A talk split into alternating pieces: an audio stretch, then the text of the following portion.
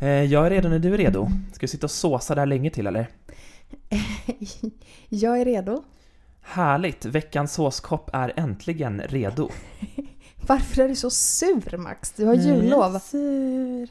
Trodde du skulle vara glad att äta praliner. 2020, pandemiåret, är många viktiga mötesplatser för queers och hbtqi plus-personer stängda. Pride-paraderna var inställda, klubbarna ekar tomma. Därför vill vi skapa ett digitalt samtal och vara en queer röst i poddrymden. I den här podden kommer vi att presentera, diskutera och dissekera några av de mest spännande böckerna från årets hbtqi plus-utgivning. Vi som är med er på färden är Milla Leskinen, psykolog som knarkar bokcirklar, samt Max Bjuggfeldt, lärare och bögboksnörd.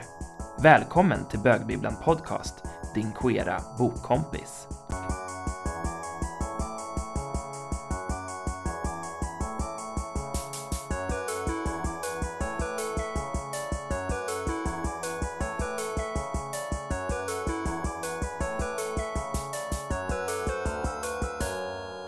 Hej och välkomna till Bögbibblan Podcast! Avsnitt, vilket då Milla? Eh, jag har tappat räkningen för länge sedan, men näst sista för säsongen. Det vet vi åtminstone. Vi är som sagt inga matematiker, men vi är en hejdundrandes poddduo. Eh, det är vi verkligen. Och vet du vad? Eh, nej. Jag älskar att vara en poddduo med dig. Åh, vad fint. Ja, härligt va? Det här är som sagt vårt näst sista avsnitt. Det känns, börjar nästan kännas lite vemodigt. Ja, Mm, vi satte igång någon gång i juli. ja, det är länge sedan. Mm. Eh, och nu här i slutet på hösttampen så har ju vi spanat in lite vad som eh, händer på galasidan. Vi har ju spanat in eh, Augustprisgalan eh, och nu har vi kommit till en ny gala som vi har kikat lite på. Vilken är det Milla? Eh, det är ju QX-galan. Just ja, QX-galan som arrangeras av tidningen eh, QX. Eh, och eh, där har ju de en kategori som heter Årets bok. Precis, och jag gissar att du kan allt om den Max eftersom du är besatt av galor och listor. Mm, jag älskar galor och listor, så underbart! Och du har faktiskt helt rätt, jag har förberett här och kollat in den här listan, vilka fem böcker som är nominerade till Årets bok. Ska jag berätta? Berätta. Mm. Den första är Lisa och Lilly av Mian Lodalen. Eh, jag vet inte vilken gång i ordningen Mian Lodalen är nominerad, men det är säkert inte första gången. Eh, och den här boken har ju varit lite eh, ompratad sådär, eller jag har se- sett en del om den på sociala medier. Men jag har inte läst den, har du gjort det? Nej, Eh, jag har bara läst typ ett par av Mia Lundahls 90-tals eh, eh, typ eh, urban chickligt litteratur. Eh, kanske inte riktigt min genre. Så, så jag har eh, inte liksom läst den här. Har du? Eh, jag har inte läst den här, men jag har också läst några av hennes tidigare 90-talsböcker.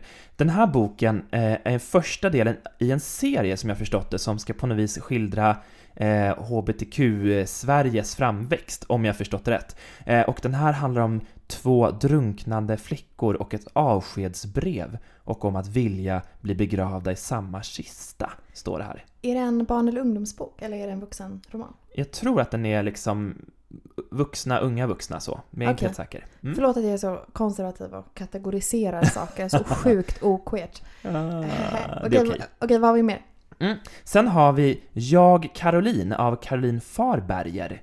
Eh, och Caroline Farberger är ju eh, ICA-VDn som eh, kom ut, var det i år eller förra året tror jag?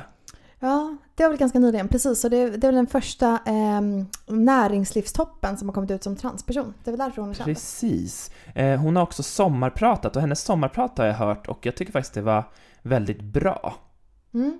Eller det var så här väldigt väl tillrättalagt var det, välregisserat. Det var liksom inga stora dramatiska avslöjanden eller särskilt mycket spänning, men det var liksom ett trevligt, bra snack, tänker Just jag. Mm. Det var ju ändå en näringslivstopp som sommarpratare. Det får man komma ihåg. Ja, precis. Och det här är alltså hennes självbiografi. Mm. Skulle du kunna tänka dig att läsa den? Eh, ja, det skulle jag väl. Mm. Ja. Kan man kanske inte springa till bokhandeln för att läsa den? För jag, jag är liksom inte ett jättestort fan av biografier. Mm, jag förstår. Eh, Det kan bli lite mycket med en, följa en person. Eh, jag vet faktiskt inte om jag... Jag vill gärna veta mer om Caroline, men jag är inte säker på att jag vill veta, läsa hela hennes biografi. Jag vet inte. Mm. Däremot, sen tror jag att vi har en till biografi på lut. Och det är Lars Wallins Avklädd som han har skrivit med Samuel Åman. Och vem är Lars Wallin? Lars Wallin är då en designer, klädskapare. Jag tror han har liksom varit eh, aktiv ganska länge och gjort mycket kläder och design till eh, många svenska kändisar. Jag tror, om inte han också gjort det i kungahuset. Okej, Skulle jag så gissa, en jag vet inte. svensk, alltså samtida kläddesigner. Precis. Eh, Och här berättar han då om karriären, kändisarna och känslorna. Jag skulle säga att det här känns otroligt QX att välja en bok där det kommer förekomma väldigt, väldigt mycket kändisar. Det kan man ju föreställa sig kommer Mm. vara i den här boken. Oerhört mycket QX. Mm. Mm. Sen har vi faktiskt en tredje biografi. Det är väldigt mycket biografi här. Eh, och det är I huvudet på av Lotta Schelin. Som ju är eh, Sveriges eh, före detta va, landslagsmålvakt? Nej, landslagsmålskytt. Just det. Alltså en fotbollsspelare för, en oss, som, fotbollsspelare. för oss som inte kan någonting om sport. Trots att de kanske råkar vara flator. Ja, Så jag, jag gissar att det är en lesbisk fotbollsspelare. Precis. Och hon har väl varit extremt framgångsrik under sin karriär. Mm. Mm. Det här är avsnittet när jag kommer ut som en person som inte alls vet någonting om någon känd människa. Ifall ni undrar. Ja. Ja, och den sista eh, av de här fem nominerade böckerna är ju Vi är Orlando av Johan Hilton. Mm. Fan vad skönt. Och en den- bok vi har läst. En bok Och som jag älskar. läst och tycker om, precis. Men det här tycker jag är intressant, eh, Milla, att av, på årets bok, det är fem böcker nominerade, det är tre biografier, en fackbok eller reportagebok och en skönlitterär bok. Eh, verkligen. Jag skulle precis säga att det här känns som en väldigt konstig eh, ehm, liksom, f- vad ska man säga, fördelning av böcker. Alltså hur kan det vara så populärt med biografier? Är det för att QX älskar kändisar? Ja, jag vet faktiskt inte, men jag vet att eh, det brukar vara biografier nominerade och biografier har vunnit eh, flera år. Jag tror särskilt på senare år har det varit flera biografier som har vunnit eh, och många som har varit nominerade. Och jag tänker att det kanske har att göra med att, att eh, HBTQ-communityt, eller i alla fall det här HBTQ-communityt som finns runt QX, eh, att det betyder väldigt mycket med för, levande förebilder och eh, att det spelar roll med människor som har eh, mött eh, homofobi eller transfobi eller rasism och liksom får berätta sina historier så. Just det, vi får ju också påminna oss om att det här eh, inte är ett litterärt pris framför allt. Utan QX-galan delar ju ut priser i alla möjliga kategorier. Typ årets homo, årets hetero, Årets podd.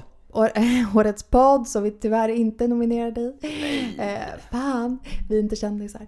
Nej, och sen så är det, ehm, vad är det mer? Ja, typ årets bar, årets eh, liksom good guys. Eh, ja, eller vad den kategorin nu heter. Så, att, så att det är ju liksom, det kretsar ju väldigt mycket kring personer. Mm. Så det är ju liksom kanske inte framför allt ett liksom fint bokpris. Det får vi kanske påminna oss om. Mm. Men det är ändå intressant att just biografier är de som blir nominerade. För att det kan man ju också säga att, att ehm, hur man blir nominerad är att, liksom, att folket får rösta då.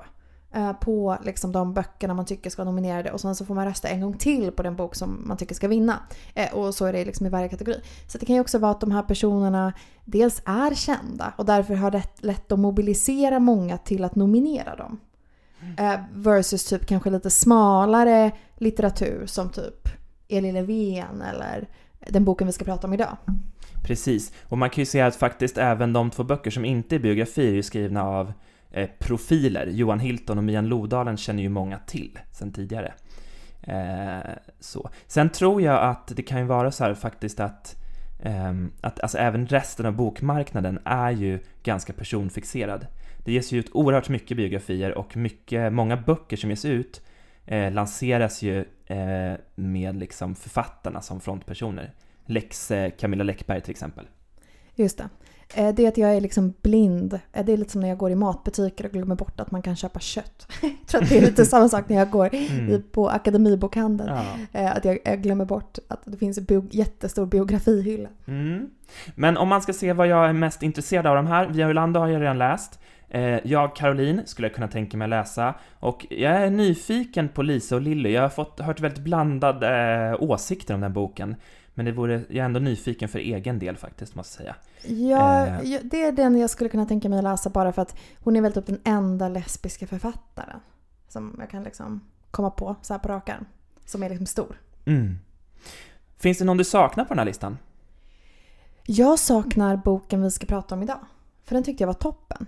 Det gör jag. Jag tycker det är helt orimligt eh, att den inte är med på den här listan nu när jag har läst boken. Men innan jag läste den så visste jag såklart inte det. Mm. Och det kanske är just eh, det som är grejen, att inte så många har hunnit läsa den ännu. Just det. Den kommer ut i oktober, ska vi säga. Bra, jag tror vi ska med detta börja kasta oss in i dagens avsnitt, eller vad säger du Milla? Ja, berätta. Vad är det vi ska läsa? Idag ska vi prata om Khaled Alesmels bok en port till havet, brev från arabiska bögar. Khaled Alesmel är en journalist och författare född i Syrien.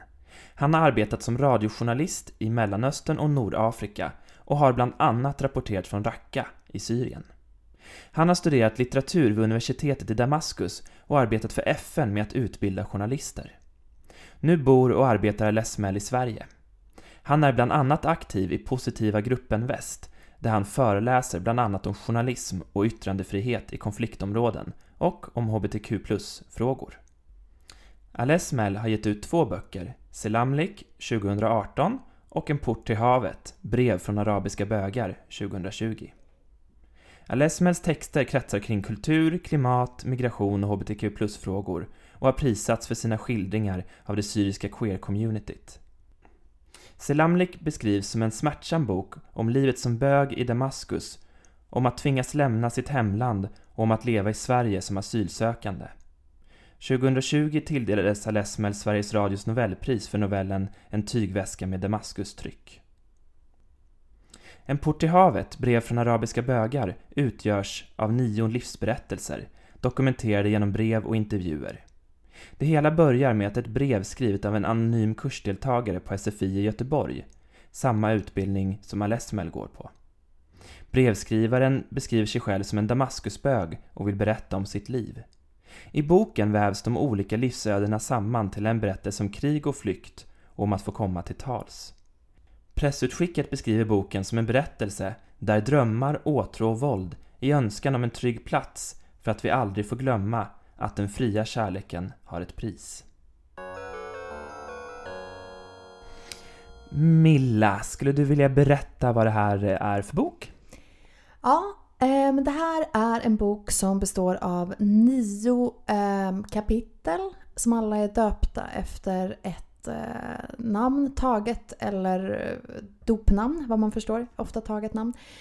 Och de är i, liksom, de flesta är skrivna som brev men det är också ibland eh, liksom transkriberade eh, intervjuer och det är också, en är också liksom skriven eh, som någon typ av med liksom så här scenanvisningar nästan. Så att det är liksom som ett eh, arkivmaterial som består av olika typer av texter men i huvudsak brev och intervjuer eh, som Khaled Ismail har gjort med eh, Eh, de här nio personerna.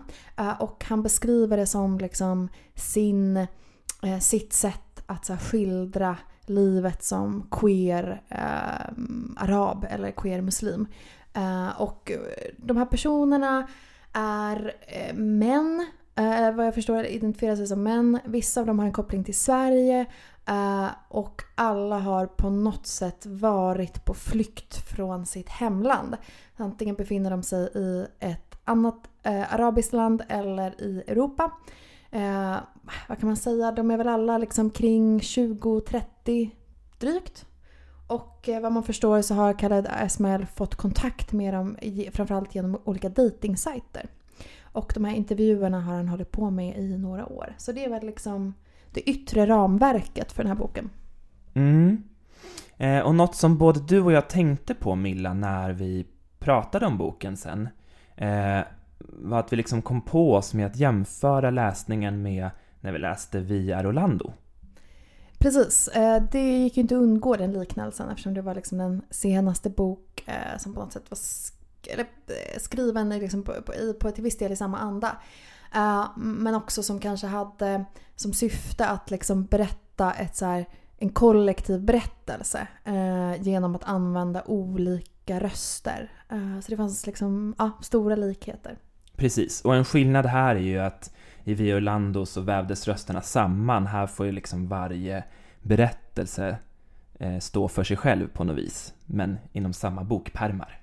Mm, just det. Och i Via Orlando så eh, var ju kanske syftet att man skulle liksom förlora sig i den här skogen av röster. Medan här så är det mer som att det är liksom verkligen nio inslag i nio olika queera personers liv. Mm. Eh, och om man tänker då på den här brevformen, hur upplevde du det var att det var att, att läsa brev eller då in, inspelade intervjuer, transkriberade intervjuer på det här sättet? Eh, jag tyckte att det fungerade väldigt bra. Eh, det är kanske Kanske inte en liksom form som jag så automatiskt bara tänker åh vad, vad kul med min favoritform. Men jag tyckte att det fungerade väldigt bra. Det blev liksom väldigt, det var väldigt litterärt. Uh, eh, intressant tyckte jag. Och det känns som att det fanns liksom som en um, genomgående på något sätt så här, eller eh, det kändes som att författaren närvarade väldigt mycket i språket. Så att det kändes inte som att det blev som att man kastades mellan så olika språk, och olika stilar utan som att det fanns en så stark närvaro av en liksom författare med, eh, med ett starkt litterärt språk. Eh, och, det, och det tyckte jag gjorde liksom läsningen väldigt intressant. Mm. Intressant att du säger det, för att eh, just det här med att det kanske inte hade varit din så favorit eller din go-to variant av bok att läsa en samling så här. Eh, för jag känner mig lite skeptisk faktiskt innan till att så här, uff, jag brukar liksom inte gilla novellsamlingar så mycket till exempel. Varför inte då? Eh, nej men för att jag gillar så långa sammanhållna historier och att, eh, att i en novell kan jag ibland känna mig lite så här, men jag vill ha mer. Jag är inte, jag liksom, nu har jag lärt känna den här personen, nu vill jag veta mer. Men här måste jag säga att jag tycker att det fungerade väldigt, väldigt bra. Mm. Varför gjorde du det då?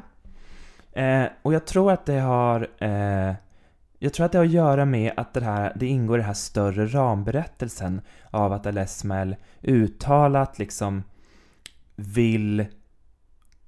Han, han, det här är ett projekt för honom att eh, ge röst åt arabiska bögar, att visa att de arabiska bögarna finns och att så här kan livet vara som arabisk bög. Mm. Jag tror att det var det som på något vis funkade och eh, det som du är inne på, den här liksom högt litterära stilen. Jag tycker den är, att det är verkligen eh, det är mycket så metaforer, det är ett så levande språk, det är liksom inte ett slumpmässigt tal sådär eh, som bara är avtranskriberat, utan det känns som att här, här har verkligen författaren gjort, här, här författaren är med i det här eh, berättandet så.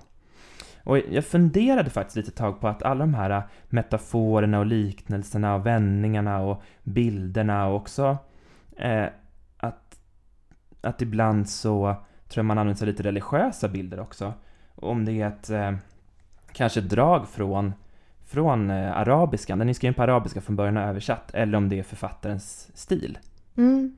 Ja men det tyckte jag också var intressant, eh, att det kändes som att det var ett eh, liksom väldigt så blommigt och eh, annorlunda språk som var liksom ganska så här eh, bombastiskt utan att på något sätt bli svårläsligt. Men väldigt långt från liksom diskbänksrealismen. Att det är många av de här eh, personerna som vi lär känna i den här boken som pratar om eh, liksom saker med, eh, eller de upplever med liksom väldigt stora och känslosamma bilder. Eh, som jag tycker är ja, men, ovanligt kanske i svensk prosa. Mm. Har du läst någonting eh, översatt från arabiska tidigare? Inget jag kan komma på på rak arm. Har du? Nej, inte heller något jag kan komma på på rak arm. Eh, jag har en bok hemma eh, som heter eh, The Pink God som utspelar sig i Bagdad och så handlar det om en homosexuell man. Vi har inte läst den ännu men det vore spännande att läsa den och se om man ser några likheter just i språket så tänker jag. Just det. Eh, jag skulle bara vilja läsa ett stycke eh, som handlar om anledningen till varför ehm, Khaled Esmail valde att använda sig av just brevformen som jag tyckte var intressant. Så här kommer från epilogen i slutet. Eh, och det han säger är så här. Medan jag pratar med de här nio männen både mindes de och påminde mig om varifrån vi kommer, vad vi varit med om. Därför har jag baserat texterna på just minnen. Att minnas är en unik process. Minnet har sitt eget sätt att hålla räkningen, sina egna dunkla drivkrafter. Minnet är inte bara ett arkiv av bilder och scener som kan väcka både sorg och nostalgi. Det är själva byggnaden vi lever i. Längtan efter en sammanhängande berättelse om vårt eget liv är så stark att vårt minne ibland konstruerar historier bara för att hålla bilden av oss själva intakt. Vårt minne är till sin natur en skicklig författare som ibland manipulerar händelser och färglägger sanningar med uppdiktade känslor. Därför valde jag att presentera de, de nio minnena i boken i form av bearbetade brev och inte som ett reportage. Jag vill att du som läsare skulle lämna frågan om vad som är sant eller påhittat därhän och bara lyssna till vad dessa nio män har att berätta. Uh, ja, jag, jag vet inte vad du tänkte om det här stycket när du läste det men jag tyckte att det var så himla liksom, fint beskrivet och um, att, ja, nu, nu liksom sa han det rakt ut men det var som att jag liksom, så på ett intuitivt sätt förstod att det här var syftet under själva läsningen. Att, att jag liksom helt lämnade på något sätt så här, ibland som man kan hamna, eller som jag i alla fall kan hamna i när jag läser, att jag liksom försöker förstå så här, eh, det biografiska på något sätt. Eller att man förstår hur kronologin eller hur saker hängde ihop. Men det var som att så här, eh, jag bara sveptes med, med här och liksom köpte de här minnes eh, det här minnesbygget på något sätt. Eh, på ett eh, ja, men väldigt, väldigt intressant sätt. Och så var det liksom eh, ja, men intressant att, och, och läsa, få läsa då liksom precis på slutet av boken att det var precis det här han på något sätt ville uppnå. Mm. Jag tycker det var intressant, jag tog fasta på det här det han sa om att minnen är som, vad är det, huset vi bor i?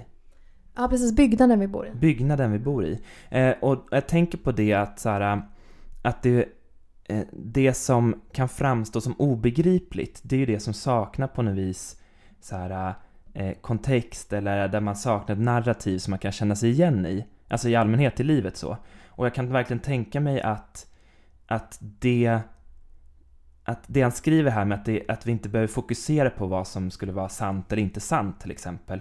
Det är liksom oviktigt också för syftet nu utan syftet skulle också kunna vara att så här, äh, skapa den här äh, eh, narrativet som, som kan göra livet begripligt för den som har de här erfarenheterna som de männen i den här boken har. Eh, att saknar man en, en, ett kollektivt narrativ att förhålla sig till eh, så blir mycket i livet så obegripligt. Men, men med det här som Alesmel gör här så, så kanske han skapar någon slags begriplig större konstruktion. Mm. Att på något vis foga in sina egna erfarenheter i. Så. Mm. Just det. Sina egna precis och, och de som komma skall. Mm. mm. Eh, och något som någon eller några av berättarrösterna i den här boken nämner så är det eh, de privilegier som eh, bögar i uppvuxna europeiska länder har och är vana vid. Till exempel att bli, kunna uttrycka sin sexualitet eller gifta sig eller till och med adoptera så. Eh, och, eh, att, och man skulle också kunna tänka sig att ett privilegium som till exempel många av oss i Sverige har är att vi kan förhålla oss till ett sådär eh, frihetsnarrativ om att man kan komma ut och att man kan Eh, skapa, ha ett vuxet, rikt liv som bög eller flata eller queer-person så.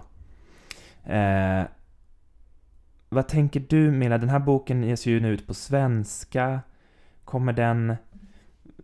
Jag tänker lite på det här vi pratade om när vi pratade om Via Orlando, liksom, att så här, kommer de som var med om det här, eh, de här berättelserna, kommer de kunna ta del av dem? Mm.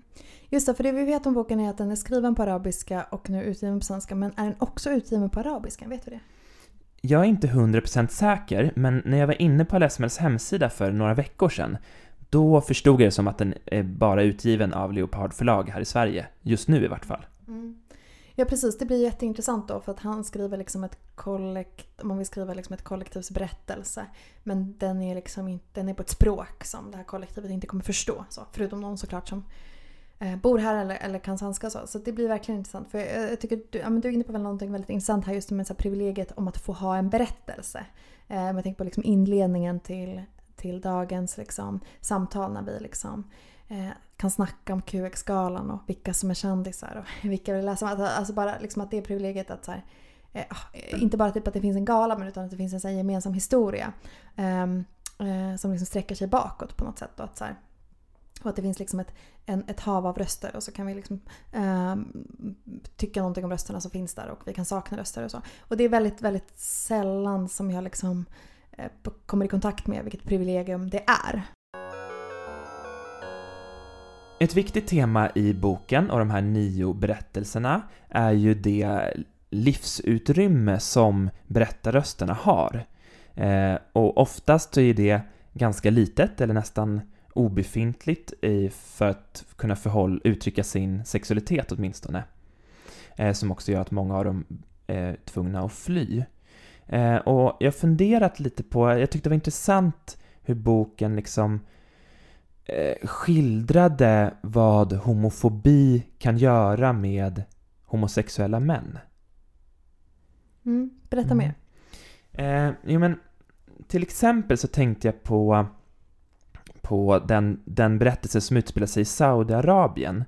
Eh, där är ju eh, eh, homosexualitet eller homosexuella handlingar, jag vet inte om de straffas med, med vilket straff de straffas med, men det är säkert väldigt hårda straff, som jag förstod, jag förstod rätt. Eh, och det gör ju att eh, de blir väldigt eh, laglösa, de, de män som eh, Eh, utför homosexuella handlingar, som till exempel har sex med andra män. Eh, för det innebär att de kan aldrig kontakta myndigheter eller polis om de skulle vara med någonting, vilket också gör att att det öppnar upp för män att utnyttja varandra, exempelvis sexuellt eller eh, att utöva våld mot varandra eller, eller bara svika varandra. Så. Mm. Precis, för det är ju det är liksom kanske inte direkt bilden av ett så här, um, på något sätt solidariskt så här, queert en så solidarisk queer gemenskap, gemenskap som liksom hållas fram från Saudiarabien utan eh, liksom tvärt emot, eh, att, att eh, man som homosexuell man liksom riskerar att utsättas för eh, liksom våld och hot om våld eh, från andra homosexuella män. Eh. Mm. Och det är på något vis intressant att dels liksom att, här, att bilden av den homosexuella mannen är lite mer flerfacetterad eller flersidig. Eh, att man kan vara liksom både offer för ett system och utövare av våld mot andra på samma gång. Eh, men också typ att ett system ett förtryckande system skapar liksom på något vis eh, förtryckande människor också. Mm, verkligen. Och någonting annat, men någonting annat som var intressant just i Saudiarabien eh, liksom avsnittet, det var ju att just på grund av att det är ett samhälle där kvinnor har så lite liksom, rörelseutrymme i samhället så att det blir som att i princip alla eh, offentliga platser i princip bara liksom befolkas av män eh, så blir det också homosexuella handlingar mer möjliga. Så att liksom ett system som på något sätt eh, är så intensivt förtryckande av kvinnor möjliggör liksom en viss frihetsgrad när det kommer till att till exempel, jag tror att de beskrev det som att man kunde till och med hålla handen på offentliga platser. Eh, just för att det bara är, är män som närvarar. Så det, det tyckte jag var väldigt intressant. Mm. Håller helt med. Man skulle kunna uttrycka det som att att, eh, att, att homofobi kan antingen göra homosexualitet eh, överexponerat, supersynligt och därmed farligt, eller helt osynligt för att det är så otänkbart. Mm. Just det. Bra sammanfattat. Mm. Och det här tycker jag verkligen om, alltså i bok, en av bokens stora styrkor. Hur, hur eh, den tillåter människorna som skildras i boken att vara på något vis både eh, förövare och offer på samma gång i samma och olika situationer. Så. Mm. På, och det tycker jag är lite ovanligt, särskilt när bögar ska skildras. Ja, för hur brukar bögar skildras? Jag tycker ofta att en, en, en klassisk bögskildring så är bögen, eh, om inte ett offer så åtminstone på något vis god och även om bögen kanske begår taskiga handlingar eller dåliga handlingar så kan de alltid på något vis ursäktas. Eh, typ till exempel att man är otrogen mot en tjej. Kan ursäktas med att man är homosexuell. Så. Och det tycker jag liksom inte riktigt att det görs så himla lättvindigt här. här. Det här är mer nyanserat i den här boken. Mm, just det. Uh, och någonting annat som uh, jag tänker skildras så, såklart och så, som jag tänker att man som bög måste förhålla sig till. Det är ju liksom så på något sätt graden av så maskulinitet. Uh, så. Och som också Eh, som jag tyckte var väldigt intressant till exempel i det avsnittet som, eh, om, som handlar om Fadi som är en eh, ung prostituerad, eller i en del av, av det avsnittet så är han eh, ung prostituerad eh, man i, på så här, olika medelklassklubbar i Beirut i Libanon. Och eh, där så ikläder han sig liksom en sorts hypermaskulinitet. Eh, eh, han klär ut sig, eller klär ut, han blir någon typ av liksom Hisbollah-bög Eh, som har så här eh, pumpade överarmsmuskler och en så tatuering av en så kvinnas ansikte på sin bicep och militärkläder och skägg. Och är det någon slags liksom motsvarighet till Tom of Finland? Ja, jag, skulle, jag tänkte faktiskt på det när jag pratade. Bara, hmm, det här, kände igen den här bilden. Och det här var liksom tydligen hetaste heta. Och han kom då från en eh, så här, förort med många Hizbollah-anhängare. Och att, så han liksom la sig till med en särskild brytning för att det liksom helt helt enkelt fick kunder på fall.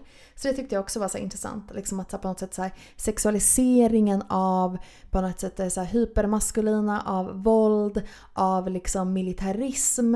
Uh, hur det liksom går igen på något sätt och ger en, en bög då som ju är per definition är på något sätt så här, en misslyckad man i, i, i, i den här idévärlden. Men ändå liksom ger honom i den världen liksom hög status.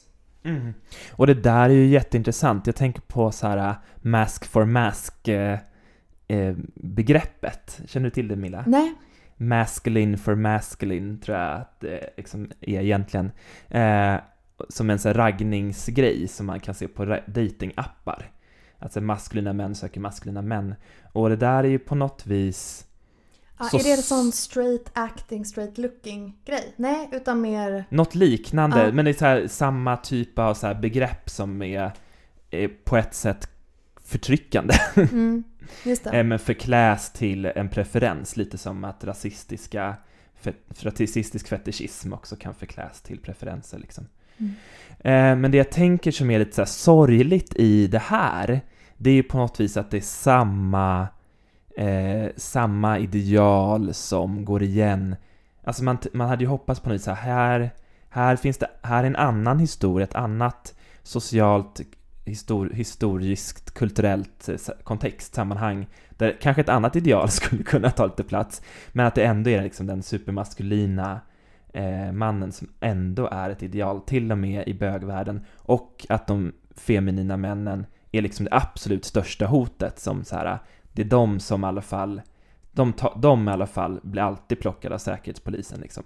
Mm. Just det. Precis. Och det är väldigt tydligt i flera av de här berättelserna på något sätt att så här, de här männen eller, eller när de här männen då som pojkar på något sätt iklädde sig feminina attribut. Det är då de liksom blir bestraffade. Ofta av sina mödrar eh, men också av sina fäder. Eh, men att, liksom, att det är förbjudet att dansa, det är förbjudet att bära smink, det är förbjudet att ha Um, liksom så, raka sig och så vidare. Så att de håller ju på mycket med det här på något sätt. Uh, så här, um, eller, eller, eller så här, det, hela det här spektrat, så här, femininitet, maskulinitet. Så, mm. Som jag tänker att så här, man ja, men kan läsa om eller ta del av liksom också i, i så västerländska skildringar av homosexualitet eller av, av att vara queer. Mm. Och här i den här kontexten så är ju verkligen hår verkar ju vara den stora eh, maskulinitetssymbolen. Mm. Verkligen, och det tyckte jag var intressant just eftersom jag inte har läst någonting eh, som har skrivit på arabiska som originalspråk. Vilket liksom känns så sjukt genant. nu när jag tänker, eller liksom måste rannsaka mig själv. Men att eh, jag har aldrig läst en typ av sexualiserande bilder av arabiska män.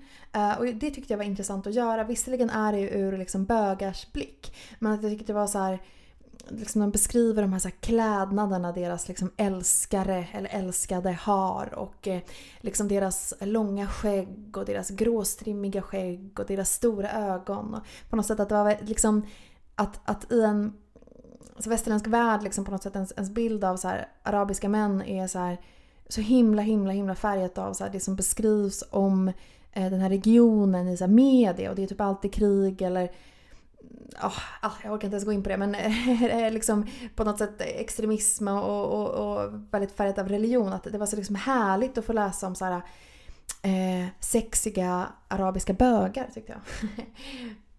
ja men överhuvudtaget bara få läsa om det, det något åtrå och något som är vackert och liksom beundrat. Sådär. Mm, Mm. verkligen. Ja men det här med hår, det återkommer ju hela tiden. Man skulle ha hår, man blev bestraffad om man inte hade hår. Eh, man skulle gifta sig om man fick mustasch. Alltså det var ju liksom, hår återkom ju på olika sätt. Va, vad tänker du om det? Eh, jag har inte en jätteklar sådär utvecklad tanke om hår just. Men jag tänker väl att så här, hår eh, har väl på något vis, mm, vet du det, könskodad betydelse i mm, vårt samhälle också. Typ pojkar har kort hår, flickor har långt hår. Så. Mm. Och väljer man att bryta mot det så ses det ofta som ett aktivt val eller att man kanske fortfarande är ett barn och inte väljer riktigt, vet vad man väljer, typ så. Men jag har ingen jättesmart tanke som har med bögar att göra. Nej, men för, det, varför jag liksom tänkte på det var för att ja, men i alla fall två av de här personerna som vi får möta, eh, som jag kan dra mig till minnes nu, eh, rakar sina ben eller rakar sina kroppar som någon typ av motståndshandling. Eh, och det är ju kanske mer, om jag liksom bara tänker helt utifrån min egen liksom, kontext som typ så här, vit medelklass feminist eh, i Sverige att, så här, att, att ha hår är en motståndshandling. Typ att, eh, eller jag kanske har i alla fall varit, känns som post eh, att prata om hår. Men att, att liksom kanske ha så här, hår på benen eller hår under armarna och så vidare. Men att här så är det liksom på något sätt en motståndshandling som liksom inte verkar komma sig av att så här, man vill sälla sig i något led. Utan det beskrivs som på något sätt en så inre önskan eller en inre längtan efter typ att ha en hårfri kropp. Ehm, snarare än att, att det liksom i min kontext i alla fall kanske mer handlar om så här, äh, jag vill uttrycka något för andra eller jag vill sälla mig ett led genom att till exempel inte raka mina ben. Är du med på hur jag menar? Ja, men jag, jo, jag är med på vad du menar och jag tycker det är intressant och nu börjar jag tänka lite själv här också. Eh, för, för apropå det du säger med att på något sätt är någonting uttryck, snarare än att uttrycka kanske en, en politisk revolution så är det någon slags inre revolution, kanske? Social revolution i sin lilla kontext. Mm. Som inte handlar så mycket om att visa upp det för inför andra utan Nej. det kanske handlar om att liksom eh, vara hårlös under sin klädsel. Just ja, precis. Och där tycker jag att det finns någonting intressant i de här skildringarna av de män som, som i den här superpatriarkala samhällena där de befinner sig eh, är liksom ändå tar hand om sina kroppar, sitt hår, använder smink, plockar ögonbrynen, till och med tar på sig kvinnligt kodade kläder ibland. Eh, men eh, samtidigt uttrycker att, men, som- men att det skildras mer som att det är så uttryck för bara en, en, en längtan efter det de tycker är vackert, snarare än kanske någon slags genderfuck som vi kanske gärna vill, som vi, eller så de vet men vi använder i vårt samhälle kring så transidentiteter och så. Mm. Ja men verkligen. Verkligen. Och så här, det är ju något med det här liksom hur kroppar skildras i den här boken som också känns så här, ja men speciellt på något sätt. Att det är i flera av de här berättelserna så, så får vi ta del av liksom den här personens då på något sätt första sexuella möte eh, och att det väldigt ofta har handlat om att så här, de kanske har sett någon mans nakna bringa eller någon mans eh, typ eh, nakna lår. Det är ju en av dem som typ eh, kommer av att han ser sin svågers håriga lår för första gången. Eh, för, för att han har aldrig sett en mans nakna kropp förutom sin egen. Han har liksom inte ens sett sin egen fars nakna kropp. Och det här tyckte jag var så himla int- intressant så här, om man jämför då med liksom hur vi är uppvuxna med så här ja men typ tillgång till all porr i hela världen och på något sätt så här, ja såklart reklam, filmer, badstränder, allting liksom att bara gå på stan. Men att så här, det är så svårt att föreställa sig liksom en 15-åring som aldrig har sett liksom en mans nakna lår och som på något sätt så det här blir så här livsomvälvande för på något sätt att de blir så galna av åtrå typ av att de ser typ så fiskare med liksom vars muskler spelar under eh, tröjan eller vad det nu är. Alltså att det är på något sätt så hyper, hypersexualiserade bilder eh, som samtidigt är så väldigt oskyldiga. Mm. Eh, och något jag faktiskt kommer att tänka på, du har helt rätt, jag tycker det är en strålande analys du gör, men något jag kommer att tänka på nu som jag blir så lite, eh, som, som jag blir lite osäker runt, som nog bara har att göra med min okunskap, det är så här, kommer de här personerna, berättarrösterna, från något särskilt samhällsskikt? Eller är det olika i olika delar? Eller olika länder eller städer? För jag tänker, som de här fiskarna, de måste väl typ se varandras kroppar kanske? Om de arbetar i vattnet typ, eller så här, de här som går till hammam och bastu liksom. Där måste man ju se, förstår vad jag menar? Just det, just det. Kan det vara, för det, det, har inte varit, det är inte jättetydligt i boken exakt så här. Eller det kan vara svårt för någon som jag att så här, orientera sig i så här, hur är den sociala ställningen här, så här hos de här personerna. Just det, och de kommer från kanske lite olika eh, religiösa hem, eller så olika grad av, av religiösa hem också. Att, att så vissa också, ja men någon är till exempel eh, kristen kopt från eh, Egypten och, och, och liksom medan andra beskriver liksom i de inledande fraserna att så här, jag kommer från ett väldigt traditionellt hem i Syrien till exempel. Så att vi får, vi får liksom också lite olika mycket bakgrundsinformation om de här.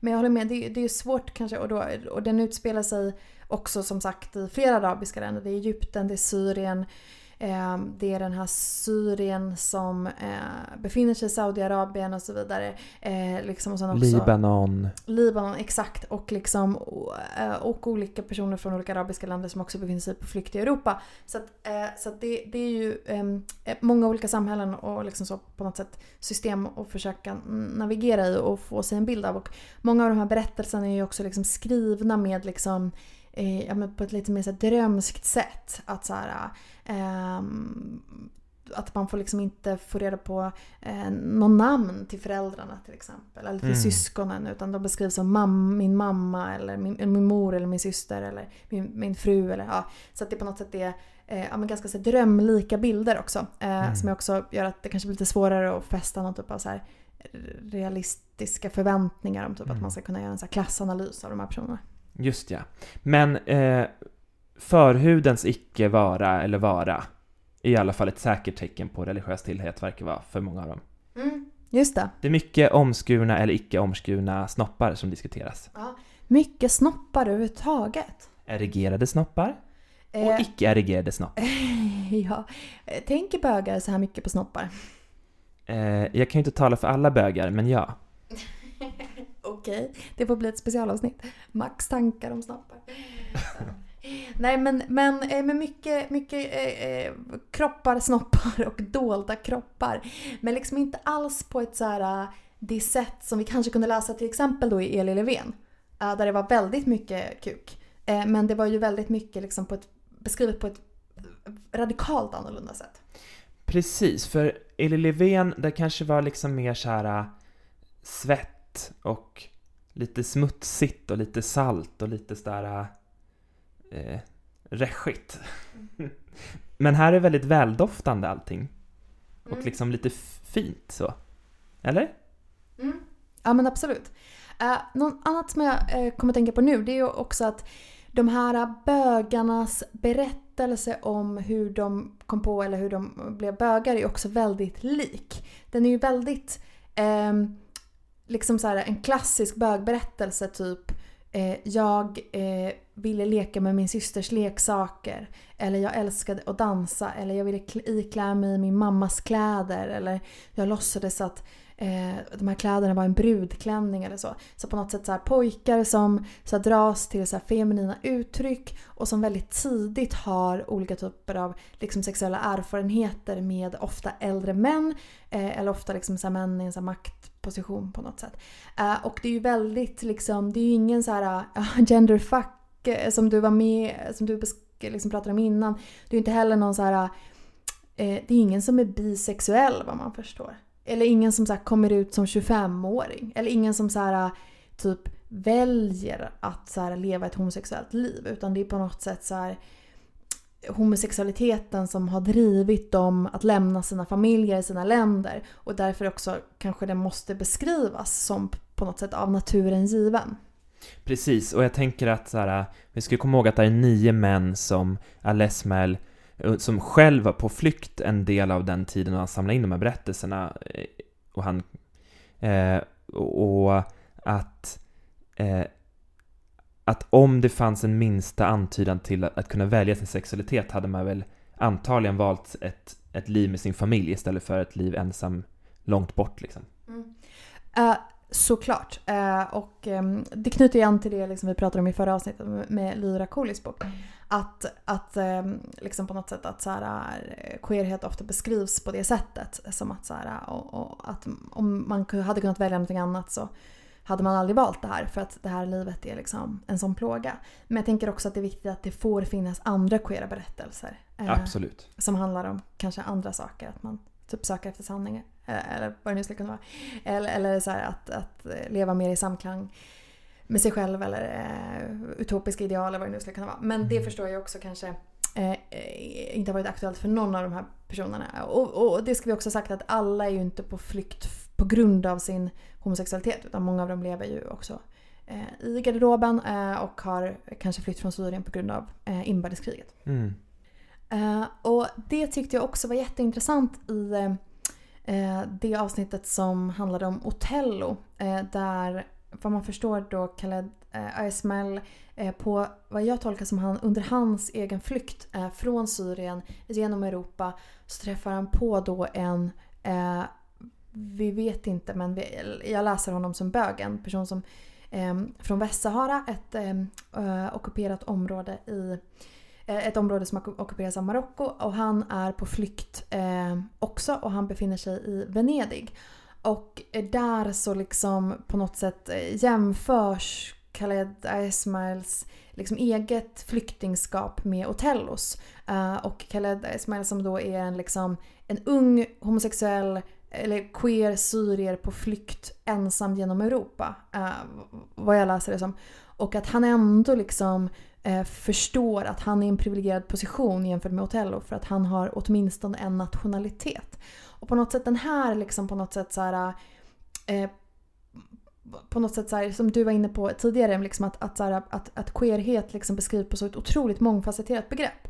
Eh, eller på så ett mångfacetterat sätt i den här boken. Det tyckte jag var jätte, jätteintressant. Att det liksom inte bara så tar in så privilegier i form av så här, flykting versus medborgare utan också liksom inom gruppen flyktingar. Alltså liksom att man kan inneha så olika ehm, mycket makt typ, beroende på var man kommer ifrån och eh, beroende på vad som händer i ens liksom, så region just nu. Till exempel så syriernas eh, liksom, status i olika länder och olika regioner också liksom, skiftar beroende på så här, den, vad som händer i landet eh, liksom så, de befinner sig i men också i vad som händer i Syrien. Och på något sätt så här, hur ja, extremt osäker den här tillvaron då, då blir för de här personerna. Och här tycker jag Milla att du verkligen sätter fingret på något som är så bokens stora förtjänst. Förutom liksom eh, att det är givande att ta del av berättelsen och att det liksom är en litterär, eh, ett bra verk så. Men det är ju liksom det här bildande inslaget att så här, att, att vi som läsare, nu säger jag vi som du och jag, liksom får verkligen lära oss någonting om en värld som vi inte kanske har så mycket inblick i annars. Mm. Eh, och det tänker jag liksom gör ju lite när man tänker på det här som vi pratade om innan med nominerad till Gaygalan att det är så oändligt synd att den här boken inte är nominerad till det priset för att det, det här det här tillför ju verkligen någonting till vår gemensamma berättelse om, om queerskap. Liksom. Mm, verkligen.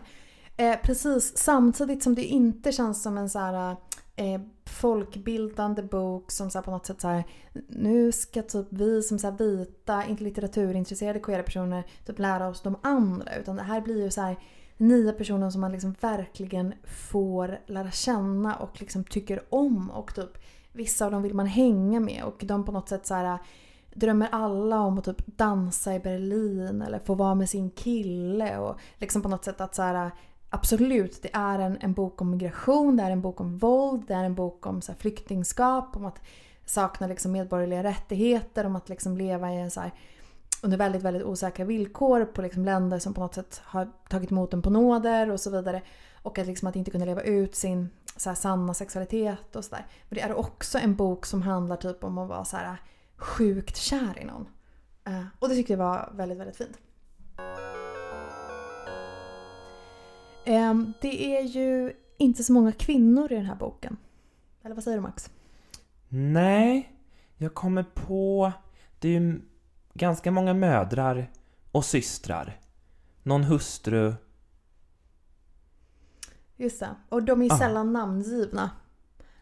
Nej, Eh. typ aldrig. Nej, precis. Så det här är verkligen en, en bok om män och mäns åtrå till män och eh, mäns relationer eh, mellan män. Uh, och jag tycker typ att så här, kvinnorna, uh, och, och det tycker jag är liksom så här helt okej. Jag har liksom inget så här krav på typ eh, representation när det kommer till det här utan jag tänker att det här är ju liksom också personer som lever i en väldigt på något sätt homosocial värld. Liksom, för att de eh, lever i samhällen där eller vi- vissa av dem lever i samhällen där kvinnor och män hålls väldigt åtskilda åt. Liksom att, så här, och ibland så typ, eh, beskrivs det kanske att det är så här, de är på någon fest och där fanns det unga flator. Och man bara åh, berätta mer, berätta mer om dem. Men att de bara liksom på något sätt är en del av kulissen. Men det som jag tyckte var intressant med de här kvinnorna att de är ju liksom på något sätt så här, de som har... Det beskrivs ju ofta hur de är födda. Eh, De här eh, liksom... Just det. Karaktärerna. Mm. Så att, så att kvinnorna är på det sättet väldigt närvarande i att de har fött dem. Men de, kvinnorna är också närvarande i att det är de som på något sätt är så här, utövar statens eller typ samhällets makt på de här männen. I, ganska ofta. Till exempel så här, tvingar dem att omskära sig. Eller är de som typ upp, liksom får dem att, eller tvingar dem att gifta sig. Eh, och, och så. Så det är kvinnorna som på något sätt... Eh, att fäd, papporna är ganska frånvarande. Men så är det kvinnorna som på något sätt utövar, utövar kontroll. Mm. Och det kan ju ha, eh, det, det kan ha något att göra också med att det är kvinnorna som straffas eh, om man inte får en duglig son. Mm. Eh, eller om man bara får eh, döttrar. Så att det är ju verkligen så här, det här är ju på något vis eh, eh, det, det är något paradoxalt att så här, det här är det enda eh, området där kvinnan liksom på något vis har eh, har någon form av rörelseutrymme fast det är på något vis ett här falskt eh, falsk, falskt frihetsutrymme. Mm. Så att bli mamma. Så. Precis, och, och, som, och, och, av det här, med det här utrymmet måste man då begränsa sin så här, queera sons utrymme. Ja, genom att precis. tvinga honom in i ett äktenskap. Eh, För det är ju kvinnan som kommer straffas om, om, om man misslyckas med barnen. Eh, mannen tar ju bara en ny hustru. Typ så. Nu eh, förenklar jag, men det är så det framställs i boken. Så. Mm, precis. Eh, och uh, så här, eh, det, i någon av de här berättelserna så beskrivs det ju också som att så här, någon, något av de, de här personerna liksom blev förvisad eh, från sin familj eh, och mamman trodde att det var ett straff för hennes synder att hennes son hade blivit homosexuell. På något sätt att det är ju verkligen en, en, en extrem förlängning av på något sätt att, så här, ja, att, att på något sätt det, det sonen eller det det blir av sonen är på något sätt kvinnans ansvar. Så att då får hon, eh, och man får ju aldrig liksom riktigt veta vad de tycker om det utan de bara liksom utövar den här makten. Eh, Eller ja, makten och makten, de utövar den här kontrollen. Ehm, som, som, som läsare kanske då ja, men lätt att eh, liksom läsa in som att de är så här påtvingade dem. Eh, men det vet vi ju liksom inte tillräckligt mycket om och det är ju ja, men verkligen bara liksom så som jag läser den här boken eller så som jag tycker att det liksom så här, Eh, det på något sätt så här queera i relation till föräldrarna beskrivs i, i flera av de här berättelserna. Mhm. Eh, Det finns ju en till, det finns en kvinna som eh, omnämns i boken som inte tillhör eh, någon av berättarrösternas familjer.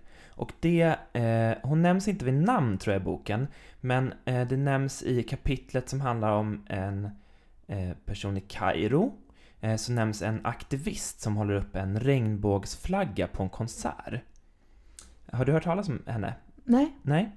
Hon, eh, det är en verklig händelse. Det var på en konsert så höll den här aktivisten upp en regnbågsflagga. Hon sitter på någons axlar, ser ut som på bilden. Eh, och för det här så greps hon. Eh, och jag tror hon var fängslad i tre månader, om inte längre. Och under den här tiden så utsattes hon för tortyr av eh, säkerhetspolisen i Egypten. Eh, och hon lyckades sen fly till Kanada.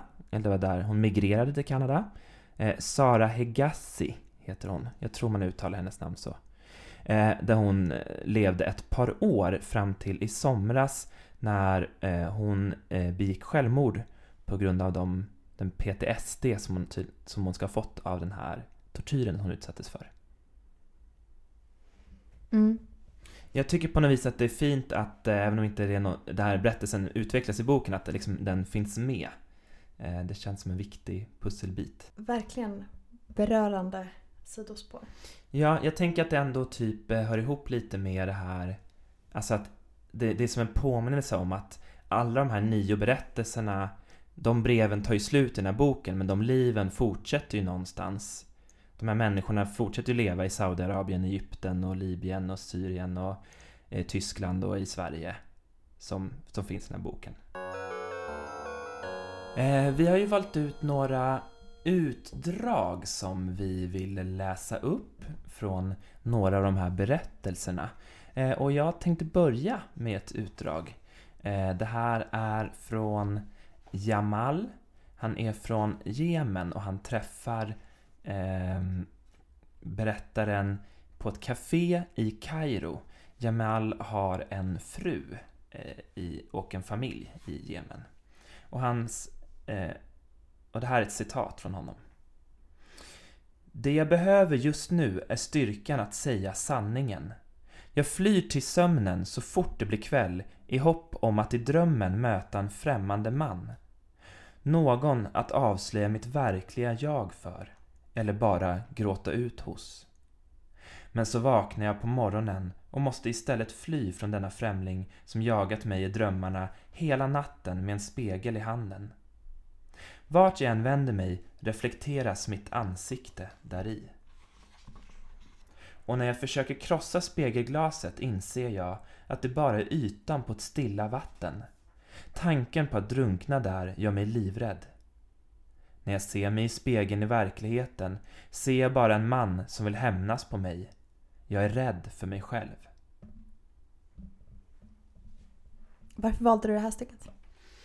Eh, jag tycker, det här är i början av boken eh, och jag tycker att det här är ett eh, fint exempel på hur eh, berättarrösten i den här boken tar tag i så riktigt svåra existentiella frågor de står inför Eh, och genom på något vis ett så här, eh, som vi beskrev innan, att här, det är något så poetiskt eller litterärt över språket med liknelser och metaforer lyckas liksom sätta fingret på något som är svårt att sätta fingret på helt sakligt så.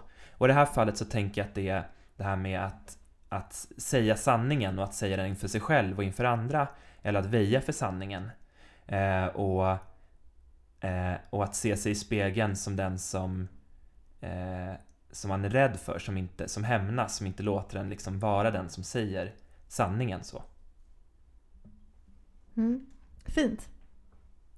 Eh, jag valde ett stycke för att illustrera det här som vi var inne på med vad jag liksom ehm, uppfattade vara liksom stora litterära kvaliteter med den här boken. Och det här är eh, då, som vi redan nämnt, det är när författaren möter Otello.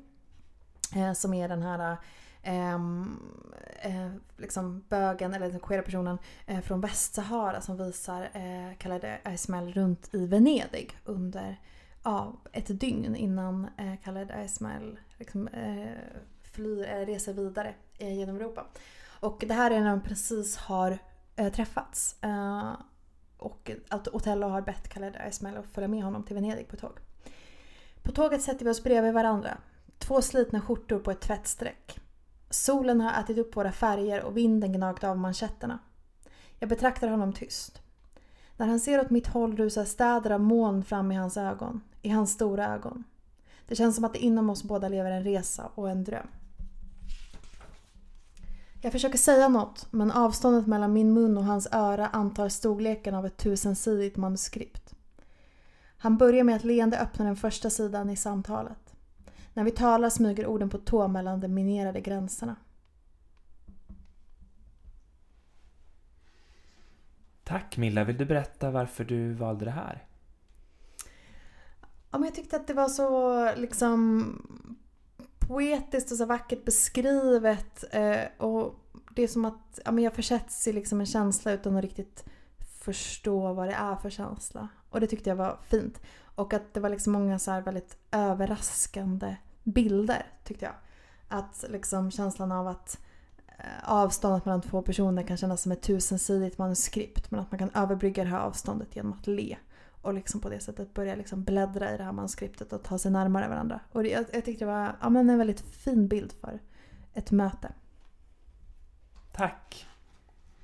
Eh, jag har ett till utdrag här eh, som är från eh, Safedis berättelse.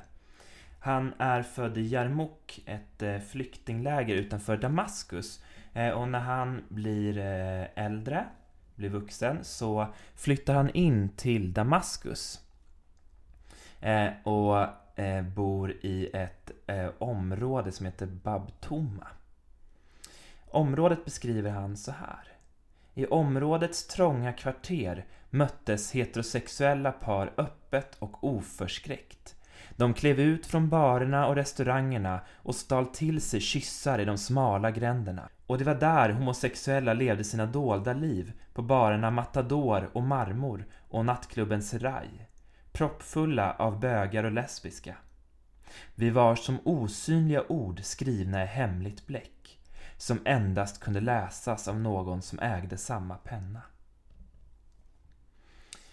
Eh, när eh, Safede har flyttat in i sitt eh, rum så berättar han om det första han gör. Jag gick in i badrummet och spred ut sockervaxet över kroppen, en bit i taget, och jag slutade inte förrän hela min kropp blivit slät som marmor. Jag ryckte upp vartenda hårstrå på kroppen och sedan duschade jag och somnade djupt, rakt på golvet. Det var begynnelsen. Min nya personlighet var född. Med mitt långa mjuka hår, mina tunna ögonbryn och röda läppar levde jag ut min revolution varje dag. Jag köpte kvinnoblusar och bar dem. Jag köpte högklackade skor och gömde dem i garderoben. Jag satte på mig glasögon i dammodell och strumpbyxor. Jag drömde inte om att vara kvinna, men jag ville bryta mot reglerna och väcka uppmärksamhet. Det handlade om sådana regler och åsikter jag fann att jag hade inom mig. Det var inget jag läst eller hört. Jag visste inte ens om det jag gjorde var ett brott. Och om det var det, vad var straffet? Hur kommer det sig att du valde det här stycket? Eh, dels så tycker jag eh, att den första delen beskriver den här, de här osynliga släktbanden eh, som eh, Safedi upplever med andra lesbiska och bögar på de här klubbarna i det här kvarteret. Jag gillar liksom den beskrivningen. Och sen också på något vis hans transformation. Eh, som handlade om att liksom bryta mot regler och göra sin egen revolution. Mot, mot de oskrivna regler han uppfattade fanns omkring honom. så. Någon slags ja, transformation. Mm. Precis, och det sätter ju fingret på det vi var inne på förut på något sätt att så här, Eh, att den här revolutionen liksom uppfattas komma inifrån och inte från liksom ett så här, uh, yttre typ social tryck eller social förväntan utan typ en så här, på något sätt osläckbar ehm, um, typ, törst efter att vilja leva på ett annat sätt. Hur tyckte du att det var att läsa den här boken? Mm, Eh, jag tycker det var en eh, fröjd att läsa den här boken. Jag tycker den är oerhört välskriven och eh, genomarbetad och handlingen grep mig verkligen. Jag tycker också att det här var den sortens bok som växte med läsningen. Att liksom intensiteten ökade i varje kapitel och liksom grep mig mer för varje kapitel som i boken. Eh, vilket ju liksom inte är självklart eftersom varje kapitel på något vis är en fristående berättelse. Så. Men jag tycker också på något vis att den som litterär upplevelse växte eh, under läsningen. Mm. Mm, va, va, du, ja. hur, hur kom det sig tror du? Eh, jag vet inte, men jag tror att på något vis att eh, jag tyckte, jag upplevde som att komplexiteten ökade. Eh, att jag...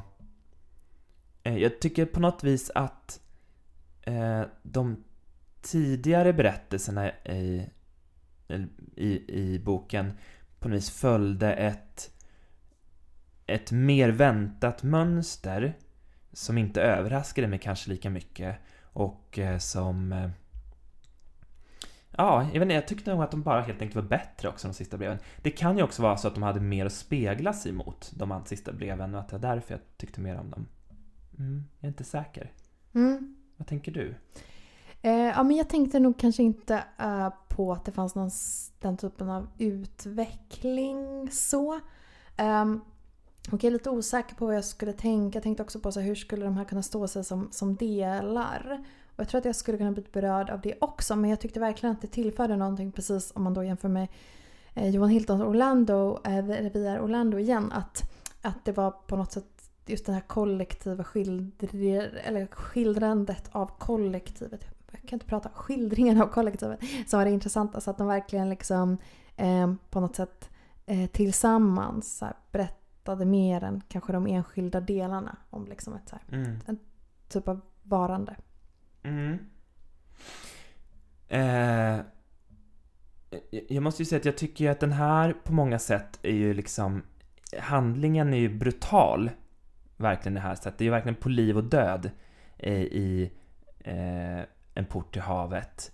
Eh, vi befinner oss ju verkligen så här i i i krigszoner flera gånger eller i, så här, med, i hot om dödligt våld. Och på så vis kan man ju känna att det påminner om Via Orlando. Men jag tyckte på något vis att det var en... eh, Att det var liksom mindre brutalt. Och jag tror att det var för att liksom... Den här sortens bearbetning skapar lite större distans eh, till berättelsen än vad det här jättetäta eh, ordagrant transkriberade intervjuerna som Via Orlando bygger på gjorde. Mm, just det. Eh, precis, för liksom, det, det tycker jag att man kanske, eller vi eh, också ska nämna. att så här, Absolut, vi har de här, äh, det här ganska liksom poetiska språket och på något sätt den här litterära nerven. Eller, eh, eller jag vet inte, litterära prismat som typ de här berättelserna speglar sig. Men samtidigt så har vi ju väldigt eh, liksom aktuella, reella liksom, eh, världshändelser. Som på något sätt eh, eh, hela tiden närvarar i boken. Till exempel eh, USAs bombning av Irak som en sådan. Eller liksom arabiska våren. Eh, liksom så här, eh, belägringen av, eller liksom eh, Raqqa till exempel. Eh, så att det är ju liksom i högsta grad aktuella liksom, eller ja, kanske inte aktuella idag men, men liksom så här, stora nyhetshändelser eh, från de senaste åren som på något sätt närvarar i det här och det gör ju att man liksom på något sätt hela tiden påminns om att det här, det här, det här är på riktigt. Alltså det här, det här har hänt eller det här händer nu. Precis, och det är någonting med skalan i det som, som är lite hisnande. För jag, jag minns att jag typ var... Eh, när när eh, IS, Daesh, Isis-kalifatet var som liksom störst där så upplevde jag på riktigt någon sorts rädsla för så här, vad, vad kommer hända med världen här? Och då tänker jag på det som du berättade om tidigare Milla eh, innan vi spelade in om den här scenen där de äter chips i Raqqa. Kan inte du berätta om den igen? För den, den illustrerar den här hisnande liksom eh, skalan som berättelsen befinner sig i. Eh, ja, precis. Det här är från, från bokens sista berättelse. Så den ehm, handlar om en, om en man som har tvingats gifta sig med en eh, person som, eller en kvinna som han inte känner. Eh, men de, de liksom utvecklar på något sätt en så här väldigt så här fin och så här tillåtande vänskap. Eh, så att de i princip bor i sitt eh, hus i, liksom mitt i Raqqa när så här, eh, utländska så här, plan droppar bomber och typ eh, Daesh eller Isis liksom erövrar staden och eh, den här mannen vågar sig knappt ut utan han liksom skickar iväg sin fru ut så här, för att liksom försöka ta reda på vad som händer och så sitter de hemma och typ eh, liksom äter chips och käkar nötter och dricker te och ser på TV hur deras stad belägras. Och att det var på något sätt så här, så här oerhörda på något sätt i så här, den så här vardagliga scenen med på något sätt så här chips och nötskål och liksom TV och sen samtidigt att så här, svindlande att förstå att så här, ja, de har levt i det här. Mm. Uh, och, och det tyckte jag liksom att boken lyckades med på olika sätt att på något sätt så här väva samman så här, det på något sätt är den lilla människan om man ska prata på det sättet, men den lilla människans på något sätt um, så strävan efter typ vara sann mot sig själv och leva det liv man vill leva men på något sätt så här, hur det så här, dikteras av liksom, typ, politik och krig. Mm. Eh, jag skulle vilja, den här boken eh, har tillägnas ju eh, några. Jag skulle bara vilja läsa vad som står här i början av boken. Eh, till alla bögar som arresterades framför tv-kamerorna utanför Hammam Bab al-Bar i Kairo i december 2014. Precis, så det här hamammet beskrivs ju i eh, en av de här äh, delarna som handlar om en person som kallas för Sfinxen. Och det beskrivs som Kairos smutsigaste hammam. Eh, man kommer dit, liksom, det är en så här äh, mystisk väg dit. Den ligger liksom i någon så här ruffigt område föreställer man sig. Man får gå in genom olika mystiska portar och gränder. Och så, så kom, får man liksom tilldelat sig en, en så här, um, smutsig gammal handduk. Men det är ingen som har de här handdukarna på sig för att det här är en plats där liksom, man förstår, alltså utan att det liksom explicit skrivs ut, så att, att så här, man får ja, men leva ut sin eh, homosexualitet om man, är, om man är man. Och att det är liksom på något sätt mitt i den här smutsen så finns det liksom så här, eh, ja, men skönhet och eh, liksom vackra mänskliga möten. Eller det är så jag i alla fall läser beskrivningen i boken. Mm. Eh, den här eh, händelsen som eh, Alesmel nämner då, det är att i december för sex år sedan så gjordes det en räd på det här hammammet. Och den här räden, den eh, filmades också. Den sänds eh, på TV i realtid och eh, en programledare som heter Mona Al-Irak eh, hon eh, sänder direkt från den här räden eh, där de här männen filmas när de leds ut halvnakna och arresteras. Eh, de sitter sen i häkte i en månad innan det är eh, domstolsförhandlingar eh, och under tiden så förnekar deras familjer att de är homosexuella. Och till en början under den här tiden så får journalisten Mona Aliraki ganska mycket mm, beröm så här, för, att, för sin insats att liksom avslöja det som sker bakom stängda dörrar. Men överraskande nog så frias de här männen i domstolen. Eh, och eh, de stämmer i sin tur eh, journalisten som faktiskt döms till sex månaders fängelse. Okej. men jag minns att jag tyckte att det var så hemskt den här händelsen. För att liksom de blev utslitna på... Alltså jag bara, bara tänkte, vad hände med de här människorna sen? Efter att de har liksom blivit igenkända av så många människor. Vad, vad, vad, vilket liv väntar på dem efter en sån här händelse? Mm.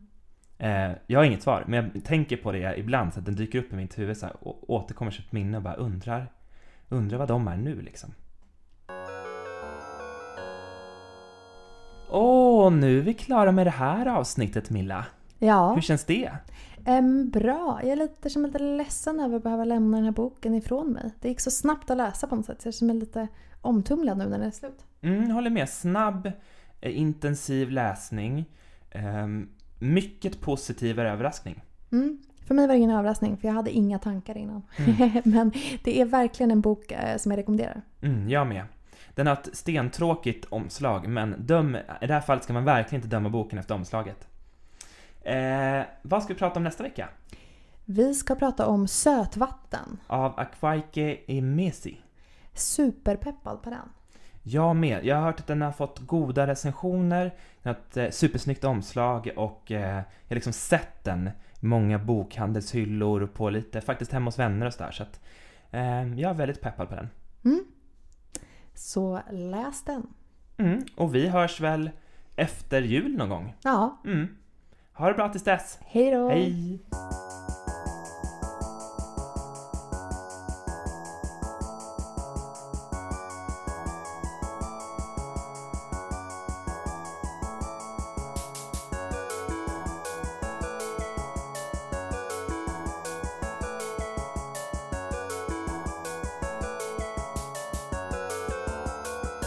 Du har lyssnat på Bögbibblan podcast, din Queera Bokkompis och vi som pratar är Milla Läskinen och Max Bjuggfeldt. Anna Hed har gjort musiken och Fred Söderblom har gjort loggan. Hör gärna av dig på Bögbibblans Instagram på ätbogbibblan.